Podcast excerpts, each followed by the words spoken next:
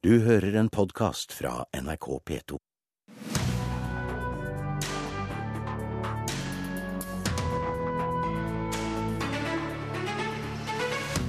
Steinkjerfestivalen skjerper sikkerheten før konsert med Hans Rotmo og Vømmelgutane i kveld. Twerk er blant nyordene på engelsk. Mange av dem ville vært for moderne for våre ordbøker, sier Språkrådet. Den nye norske filmen 'Høvdinger' med fotballspiller Jon Carew bommer grovt, ifølge vår anmelder. Og komiker Else Kåss Furuseth debuterer i vårt fredagspanel. Og det skjer her i Kulturnytt i Nyhetsmorgen. Steinkjerfestivalen skjerper sikkerhetstiltakene når Hans Rotmo og Vømmelgutan går på scenen i kveld. Det vakte oppsikt da Rotmo for en måned siden sa at muslimene er en miljøforurensning i Europa. To arrangører avlyste konsertene Rotmo skulle holde. I Steinkjer følger festivalsjefen godt med i kveld. Altså, vi gjør jo risikoanalyser hele tida, og vi tar høyde for at noen kan føle for at de skal uttrykke seg på en eller annen måte, men jeg tror Steinkjerfestivalen har et publikum som ikke kommer for å lage bråk. Det sier sjef for Steinkjerfestivalen Svein Bjørge. Når Hans Rotmo spiller i kveld, blir det ekstra trygg like. Vi har oppgradert noe sikkerhet, det er noe flere vektere, noe mer fokus på sikkerhet under akkurat den konserten. Men vi føler at vi har veldig god kontroll. Sammen så veier vi flere tonn. Med lite grann hjelp gjør lite grann monn. Det er ikke noe som kommer til seg sjøl. Musiker Hans Rotmo er kjent fra folkekjære Vømmøl spelemannslag, i tillegg til at han er kjent for kontroversielle politiske meninger. Han skapte igjen debatt da han for en måned siden uttalte til Trønderavisa at muslimer er en miljøforurensning i Europa. Ord og holdninger som jeg trodde at vi hadde lagt bak oss. Blogger og journalist Fatima Almanea var en av de som reagerte sterkt på ytringa til Rotmo. Seinere gikk rett nok Rotmo ut og tok sjølkritikk. I en SMS til Adresseavisa skrev han at han angra på formuleringa om miljøforurensning. Men da hadde allerede to konsertarrangører avlyst planlagde konserter med musikeren. I forkant av kveldens konsert har politiet i Steinkjer òg gjort sine vurderinger, forteller politistasjonssjef Snorre Haugdal. Så det vi har gjort, er at vi har vurdert det, og så har vi satt i gang tiltak uten jeg vil gå nærmere inn på hva det innebærer. Og Reportere var Rikke Lunde Andersen og Guro Kvalnes, som vi hørte i reportasjen. Hans Rotmo sier til NRK at han ikke ønsker å kommentere saken. Audun Lutnes, festivalsjef for Livestock-festivalen i Alvdal. Dere avlyste deres planlagte konsert med Hans Rotmo og Vømmelgutane. Hvorfor? Ja, det stemmer. Vi avlyste jo med bakgrunn i mye hvordan vi driver vår festival. Altså, Vi driver festival på dugnad. Det har vi gjort i ni år, og bygd den opp på egen hånd. og for vår del så er det da viktig at den, de produktene som vi leverer, det må vi kunne stå inne for. Og det følte vi jo ikke at vi gjorde i det tilfellet her. Må dere stå inne for alt hva artistene sier når de ikke holder konsert? Nei, det må vi ikke, men det er et sånn, vi syns det er et, et, problematisk skille der. Altså, det er litt av gråsonene mellom det å være en offentlig person og en artist.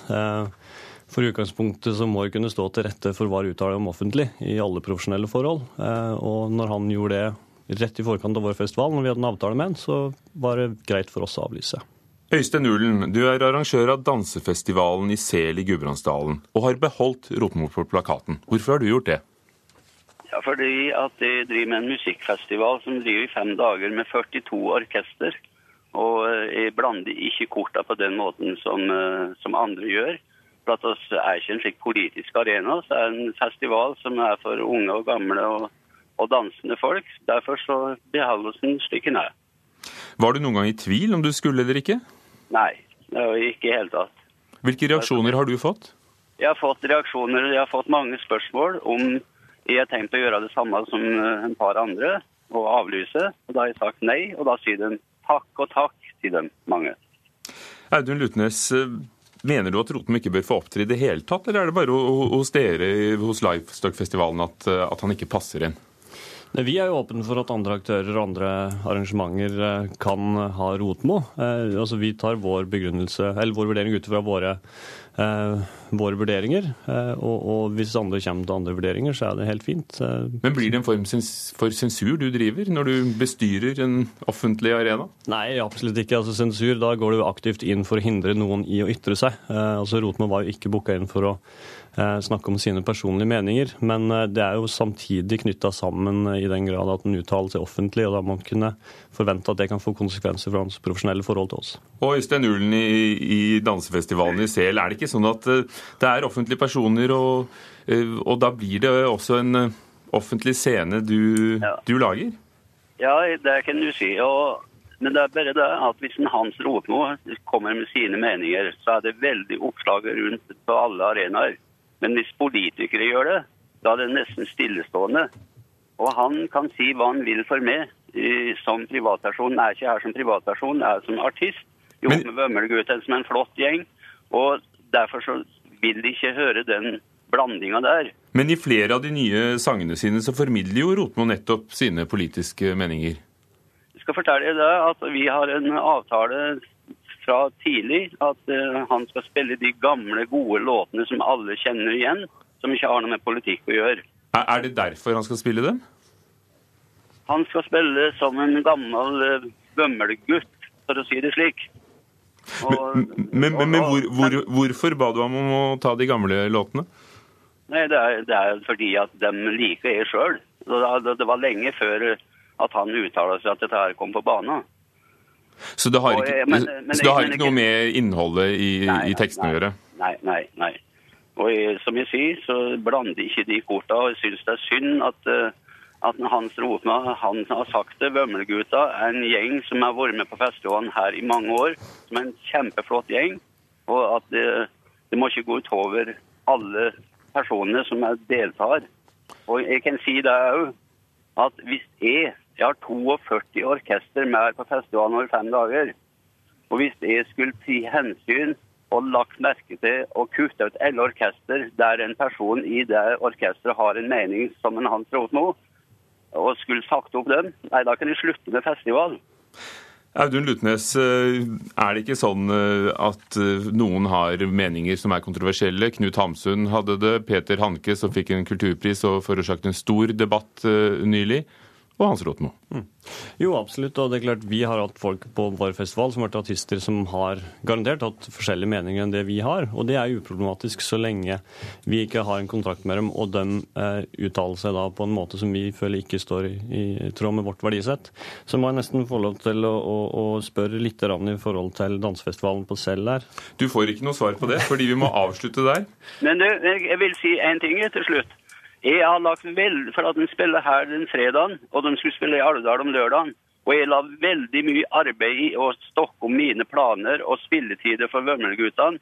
For at de skulle få være med i Alvdal, og så avlyste de alt sammen. Og det er veldig dere, skuffende for meg. Dette får dere ta på kammerset. Takk skal dere ha. Øystein Ulen, dansefestivalen i Sel, og Audun Lutnes, Livestock-festivalen i Avdal. Magne Furuholmen er i gang med det som skal bli Nordens største keramiske skulpturpark. Billedkunstneren og det tidligere a-ha-medlemmet gjør dette på oppdrag for Kjell Inge Røkke, skriver VG. Det blir en Vigelandspark i miniatyr utenfor Rakers nye hovedkontor på Fornebu i Bærum. Og så skal det handle om språk. Twerk, twitterati og foshizzle er tre av 500 nyord som denne uken ble tatt inn i Oxford English Dictionary. Mange av disse engelske ordene ville vært altfor moderne for Språkrådet i Norge. I take it you already know of tough and buff and cough and dough. Konservative briter med konservative holdninger og konservativt språk. Som tatt rett ut fra Oxford English Dictionary, tenker du kanskje. Britenes ærverdige blå murstein av en ordbok. Mange tror den er mer konservativ enn våre norske ordbøker, men slik er det faktisk ikke, sier Ole Kristian Våge i Språkrådet. Nei, vi har nok litt ulike tradisjoner i den engelskspråklige verden og i Norge. Eh, I den engelskspråklige verden så har man ikke et sentralt språkråd. Og det gjør at de oftere tar inn nye ord i ordbøkene. Hele 300 000 oppslagsord har Oxford English Dictionary, over fire ganger så mange som bokmålsordboka vår. Denne uken har den fått 500 nye ord, og på lista er det veldig mye sprekt. Fratty, Twitterati, Hyperlocal, Crowdfund, Poshizzle. La oss ta det siste, faux shizzle. Dette uttrykket er artisten Snoop Doggs måte å si for sure, eller sikkert og visst.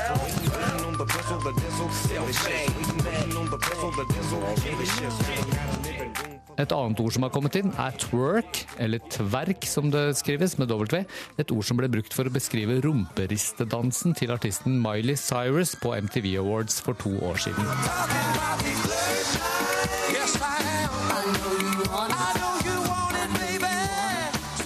Men det fins også litt mer vanlige nyord på Oxford Dictionaries liste. Ta f.eks. e-sigarett, eller e-cigarette. Klart britene må ha det. Men den norske ordboka? Nei. Hvorfor ikke, spurte jeg Språkrådets ekspert. Ja, Det er fordi at vi eh, ordbokforfatterne venter en stund for å se om ordet slår rot i norsk språk. Eh, De vil unngå å ta inn språklige døgnfluer, rett og slett. Men e-sigarett er vel kommet for å bli, tenker man, eller hvor lang tid bruker man på å bestemme seg for det? Ja, Det er ikke noe eksplisitt kriterium for det, eh, og det er vanskelig å, å, å si på førehånd. Det kan være et fenomen som forsvinner ganske fort. E-sigarett er jo ikke lov å importere til Norge, f.eks. I hvert fall ikke ennå. Så eh, det kan være gode grunner til å vente med å ta inn et ord i i ei ordbok. Og reporter var Petter Sommer. I går hadde den norske filmen 'Høvdinger' sin aller første premiere. Jeg er så jævlig ripskitt at aner ikke. So you are sure it was Mickey's boys? Det der kommer til å ordne seg. Stol på meg. Jeg trenger bare litt mer tid. Du får 30 sekunder å finne på noe. Fra Høvdinger, som kommer på kinoene først i midten av juli. Og John Carew, fotballspilleren, har også en sentral rolle i denne Oslo action-historien. Mikael Olsen Lerøen, filmjournalist, og du har anmeldt denne for oss. Ble det mål? Nja, nei Da ble det selvmål i alle fall, Ugo. For, for, for dette, var ikke, dette var ikke store greier. Det er altså en, en, en, en kar som kommer ut av fengsel og oppdager at lillebroren ligger i koma etter å ha rotet med de feile folkene, de feile miljøene i den feile delen av Oslo. Eh, skal prøve å ordne opp i det og har sjøl en litt sånn grumsete bakgrunn. Eh, veldig sånn klassisk sånn action-oppbygging. Møte feil folk, være uheldig og havne dypere og dypere ned i trøbbel eh, til det store oppgjøret på slutten. Så, så, så det, og det er ikke noe galt med, med den. Det er en grei fortellerform, vi forstår hva det går i. Men de får det rett og slett ikke til. Tidligere fotballspiller Jon Carew har spilt en rolle tidligere i en kanadisk film. Dette er eh, den norske debuten hans. Er han like god på lerretet som på banen?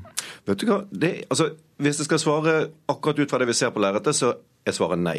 Men det er faktisk vanskelig å si med, med Jon Carew. fordi at det, Manuset er såpass eh, svakt, eh, og, og, og, nesten alle eh, skuespillerne i, i, filmen leverer såpass banalt at det er vanskelig å si om det er regien til regidebutant Irash Asanti som er grunnen, om det er det dårlige manuset som Irash Ashanti har vært med å skrive eller om det er skuespillerprestasjonene til, til, til John Carew. Så Foreløpig så tenker jeg at han skal få en, en sjanse til, til, For slik det ser ut nå, så ser det ut som han har fått beskjed om å sånn, se morsk ut og snakke med trailerstemme. Og det gjør han. Trailerstemme, ja. Eh, hvordan er helheten i Høvdinger? Hva kan, hva kan, folk se frem til 17.07 når premieren er? Ja, de kan først og fremst se frem til en maraton av nevnte Irash Asanti, som altså har regi. Han har vært med og skrevet manuset, han er produsenten, og han spiller en av de sentrale rollene. Og jeg ville sagt at det beste av de eh, håndverkene er skuespillerprestasjonene hans. De andre tingene er enten han ikke sto nok til å få til samtidig, eller så er det for tidlig i karrieren hans å gjøre så mye på en gang. Eh, det er som sagt debuten hans på, på, på langfilmformatet. Takk skal du ha, Mikael Olsen Lerund, som hadde sett eh, gallapremieren på Høvdinger. Og på nrk.no så kan vi lese om eh, flere fotballspillere som gikk til filmen, og hvordan det gikk med det. Du hører, på Nyhetsmorgen i NRK. Klokken er 17 minutter over åtte. Hovedsaken i dag. Barnehagelærere mener de kaster bort tid på unødvendig kartlegging av barn. Pepsi og flere typer farge ser ut av hyllene hos Narvesen. Reitan forbyr kiosken å selge dem. 300 nordmenn kan få føflekkreft i sommer. En tidlig sjekk av føflekkene hos legen kan redde liv, ifølge hudleger. Og der er Fredagspanelet samlet. Velkommen til nykommer Else Kåss Furuseth, komiker. Hei. Sist sett på TV 2 med Det er lov å være blid med Else. Ja. Kommer du igjen til høsten? Det kommer igjen til høsten. Aksel Estenius, forfatter og manusforfatter. Og Ragna Nordenborg, programleder i NRK P13. Hei. Har du forstått formatet, Else Kåss Furuseth, at de tvinger deg til å si eh, ja og nei først? Jeg har forstått formatet. Nå ble jeg jo veldig Nå følte jeg jo dette var en sånn der nemnda. Men jeg har forstått formatet, ja. Det er en slags nevnd. Regjeringen satser på sosiale medier med emneknaggen 'Min regjering'. Eh, Sikkert ment til skryt, selv om de sier at de var glad for at det skapte debatt. Eh, For den ble fort kuppet av kritikk og spydigheter. Burde regjeringen latt være? Ragna? Ja. El Else? Jeg sier, jeg sier nei, dette burde du bare kjøre på med. Aksel? Nei. Um, egentlig eh, så er det bare du som mener at dette skulle ikke gjort, Ragna. Hvorfor? Nei, det er eh, selvfølgelig veldig artig å følge det eh, på Twitter og se den herlige strømmen av eh, artige vrier man kan få på det. Men jeg tenker som så at det å skulle bestille en, eh, en skryte eh, på Twitter er alltid dømt til å mislykkes. Det er sånn at når du ber om skryt, så reagerer Twitter, for det er jo små mikroblogger og masse gøyale folk som bruker det, så blir det alltid veldig kleint og kan virke helt mot sin hensikt. Regjeringen har gjort det før, altså jeg er glad for. Da ble folk veldig, veldig glad for det, at de fikk sjansen til å tulle og tøyse. Jeg er glad for at jeg får kjøre Segway og kjøpe billig sprit. Eh, McDonald's har prøvd seg på det. Min beste måltid eh, for noen år siden, hvor folk altså bare gjorde eh, helomvending og selvfølgelig da sa alle de ekle opplevelsene de hadde med McDonald's. Og vi husker jo alle New York-politiet som sa at de skulle gi tilbakemelding på hva du syns om New York-politiet, hvor de bare viste bilder av politivold. Så det å bestille fra et liksom høyt partisjikt organ, det funker ikke. Her må jeg bare signere på at dette er veldig kloke ord, men som, som komiker så må jeg si at jeg, eh, at jeg elsker det. Eh, For det må jo er det, er det ment på tull? Er det, noen, er det et utdrikningslag som har vært i arbeid eh, og laget dette? For dette er jo starten på en vits. Dette er jo starten på at man kan si hva man misliker ved det. Og samtidig så er det sånn at um, Twitter er jo ikke, uh, misforstå meg rett, så farlig. Uh, Så det uh, går greit. Jeg For det er ikke så mange som driver med det, tenker du? Nei, det, jeg tenker at, eh, at eh, det er jo ikke sånn Hvem er det som skriver disse tingene? Det er jo absolutt viktige mennesker, men jeg tror det eh, går bra, da. Og da, eh, sånn i underholdningens verden, så tar jeg det imot med åpne armer. Som forfatter, Aksel Stenius, er det, er det begynnelsen på en vits de har skrevet? Min regjering? Ja, men det var ikke det jeg hadde tenkt å si. Jeg er jo da blant de som da ikke er på Twitter. Og det er morsomt, så for meg så betyr det absolutt ingenting. Men, men de, de prøvde seg på Facebook og Instagram det- og ja. Facebook er jeg faktisk på, da, så det, og der burde jeg vært der. Men eh, det, jeg syns jo det er, det er morsomt, fordi at for meg så av så betyr jo dette her at de skjønner jo ikke været, de heller. akkurat som meg. De skjønner jo ikke hva som eh, skjer når man legger ut sånne ting. Og de legger ut i hytt og pine, og, får da, og det får da konsekvenser som sånt her. Så satte jeg en liten ring rundt eh, ordet folk som sto her, og det er hvem er det egentlig? Og det har dere vært inne på. Det er jo kultureliten som er mer eller mindre eh, verbalt spydige eh, på en morsom måte. Jeg tror nok også at det beklageligvis er litt sånn få. Altså At man tøyser med at nå ble jeg kjørt ned av en Segway, når kommer snøscooteren, som vel var en av de, og sånt noe. Det det er kjempemorsomt, men jeg tror dessverre ikke at velgerne snur seg mot regjeringen av, av den grunn. Det, det håper jeg blir neste da, at de gjør sånne blundere at, eh, at det får ordentlige politiske konsekvenser. For her har vi regjeringens topp kommunikasjonsfolk som har satt i gang. Statssekretæren til Erna var her og, og forklarte at de elsket denne typen debatt. Eh, Hvordan ser dere frem til kommunevalgkampen når rådmennene setter i gang? Eh, Jeg er rådmenn. Jeg gleder meg jo til eh, altså jeg tenker toppfolk innenfor kommunikasjon. Jeg må innrømme at jeg selv har gått på Vesterålens reklameskole, og eh, det, det var ikke sånn eksamen. Så jeg tenker at eh, det er veldig spennende å se hvordan det går på grasrotnivå. Hadde du hatt meg som lærer der, så hadde det blitt noe helt annet. Men det er jo absolutt bare å vri litt om. Eh, Det er sånn at hvis du ber om f.eks. hva du syns at dine politikere bør gjøre Eh, altså hashtag eh, kommunevalget eh, bør gjøre, eller noe sånt. så plutselig så får du masse konstruktive svar. Det er ikke noe galt i å bruke sosiale medier for å få opp grasrotstemninga, hvis det er det de vil. Men da må de bare gå, ta ett sånn kurs til på, på BI, på sånn PR-kurs, så får de den siste tvisten, så, så, så lykkes disse kommunikasjonsrådgiverne. For det viser seg at konstruktiv kritikk funker jo veldig bra på Twitter, men ros, eh, det kan man heller ta på Face. Men er, er det sånn at du fryder deg over alle morsomhetene du kan, du kan lese og kanskje bruke? E- Eller liker du at kritikken kommer frem? Jeg minner om at jeg jeg er født i, i 1980, men jeg er heller ikke så mye på Twitter. Eh, for nå er faktisk Insta den neste store. Eh, så, men jeg syns jo at altså kritikken må frem, men dette var jo ikke så veldig, ikke- dette var jo ikke så veldig overraskende. Twitter er så gammeldags. Jeg vil si Twitter er veldig 2012. Nå skal du høre om noe gammelt nå. Videosjappene, de dør. Bare hør. På hjørnet her er det en videobutikk som heter Video Nova. Har du noen gang vært inni der? Nei. Ja, vi har, jeg har vært der og kjøpt sånn slush. Ja, ja, jeg har også kjøpt eh, slush. Men har dere leid eller kjøpt video der? Nei. Nei. Det var reaksjonene da Kulturnytt fortalte om at eh, Oslos siste videobutikk eh, snart eh, kommer til å legge ned. Folk leier ikke filmer lenger. De gjør det på strømmetjenester, men ifølge kinobransjen er det mange filmklassikere vi kommer til å gå glipp av fordi de ikke er på nett. Gjør det noe? Jeg syns absolutt det gjør noe at det er borte. Ja, heter det. Ja, heter det. Nei. Oh, nei. Takk. Men Filmmann, er ikke du bekymret for at ikke folk får, eh, får sine klassikere? Eh, jo, men det tror jeg det gjør. Eh, og jeg er da også Jeg er født ganske mange år før Else. Jeg er født i 1960. Så vi hadde ikke noen videobutikker da jeg vokste opp. Og vi hadde jo, da, der var det også mange klassikere som aldri ble sett. Altså det var jo Noen ting ble vist på et cinematek en eller annen gang. Film var da, som nå, ferskvare, og enda større grad. For da var det jo ingen muligheter å få sett det igjen. Bortsett fra på kino. Som jo da, men da ble det jo sett også da 90 eh, ferskvare, selvfølgelig. Så tenker jeg at det som er nå, så lenge det eksemplarfremstilles videoer, så vil jo bibliotekene ha dem. Så helt opp til når liksom den siste eh, Hvis ikke filialen din er lagt ned, da? Hva? Hvis ikke din filial er Nei, lagt men ned? det gjør det ikke. Nei, Det tror jeg faktisk ikke de gjør. Så, så jeg, nå har vi mye større sjanse til å få se klassikere enn noen gang før. Så er det jo bare rett og slett sånn at vi må bare stikke fingeren i jorda og si at film er i ekstrem grad ferskvare. Folk vil se det nyeste nye. Og det er en, akkurat sånn som Hvor mange prosent er det som lytter på P2? 5 eller sånt noe? Det er kanskje 5% også som er ekstremt viktige prosenter. Men, Vi er oppe i ti noen ganger. Ja. Else, problemet er kanskje at du er gammel, men ikke gammel nok.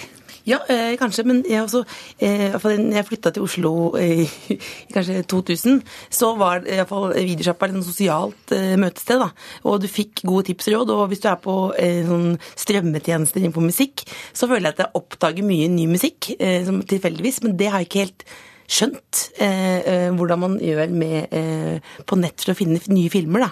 Altså, Jeg har lært masse av Spotify, men jeg har ikke helt skjønt hvordan jeg kan lære nye ting.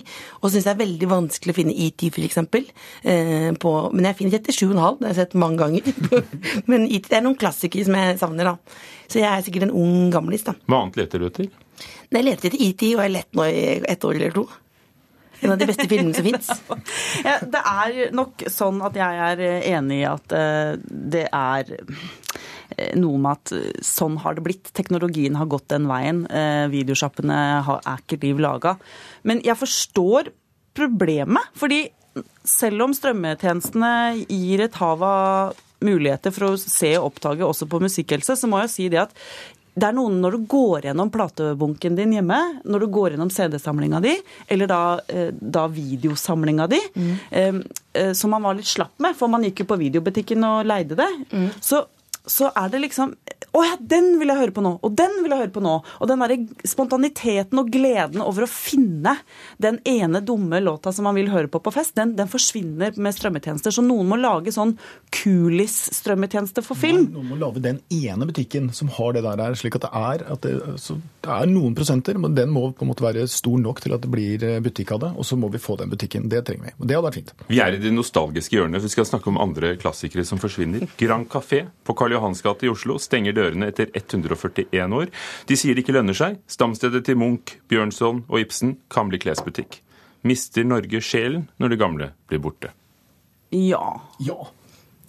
Ja. Selv om jeg er gammel. Hva skjer? Å, nei, men det er, jo, det er jo noe veldig trist. Altså, jeg husker eh, Jeg var der på Grang bare for noen måneder siden og feiret 40-årslaget til min søster. Utmerkede høye, høye, høye smørbrød fikk vi da på, på dagtid.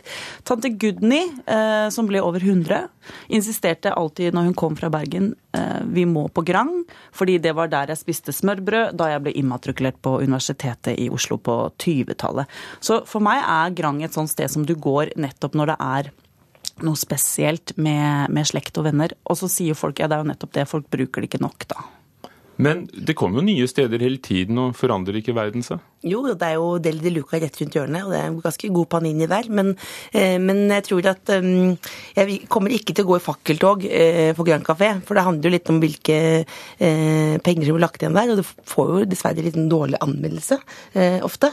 Eh, men, men, det er jo Er Oslo et tristere sted uten Grand Café? Da er det vel lett å si ja, det, det er det. Altså det jeg syns er synd, er at man ikke har klart å ha en gamleby i, i denne byen. Altså Det er liksom ikke et sted som er gamlebyen, og det burde jo Grand Café være. Den burde liksom være det stedet i gamlebyen hvor man hentet inn den gamle kulturen som er absolutt Ibsen, Jæger, eh, Christian Krogh, 1800-tallet, altså Pipeviken. altså Den gang byen var en annen, men begynte å bli by. Og at vi liksom har et sted som, som, som, feirer det, det burde vi hatt. Men hvor går Jon Fosse og, og Knausgård og ja, Jan Kjærstad i dag, da? Ja, nettopp. De uh, sitter og ser på strømmetjenester, sannsynligvis. De sitter og ser på Netflix. Og så går jo folk på Teaterkafeen, som på en måte ble det litt bohemske, borgerlige stedet. Og så går folk på nye, hippe utesteder, fordi endelig så er Oslo og Norge blitt litt eh, cutting edge. Hvor da? Hvor er de cutting edge-stedene? Torgata. Nederst i Oslo til alle i hele er, Norge. Er Torgata det nye Grand Café? Er det bare det at det er kommet et nytt sted, kanskje? Ja, det er jo vanskelig å finne hvem som er nye Munch og sånt nå, men, eh, men jeg tipper at eh, på Torgata Kennel Club er nye Grand Café. Takk skal dere ha. Else Kåss Furuseth, Ragna Nordenborg, Aksel Estenius. Det var Fredagspanelet. Dere var Fredagspanelet, som vi også kan høre på podkast. Andrea Kvamme Hagen var produsent. Hugo Fermarello programleder. Du har hørt en podkast fra NRK P2.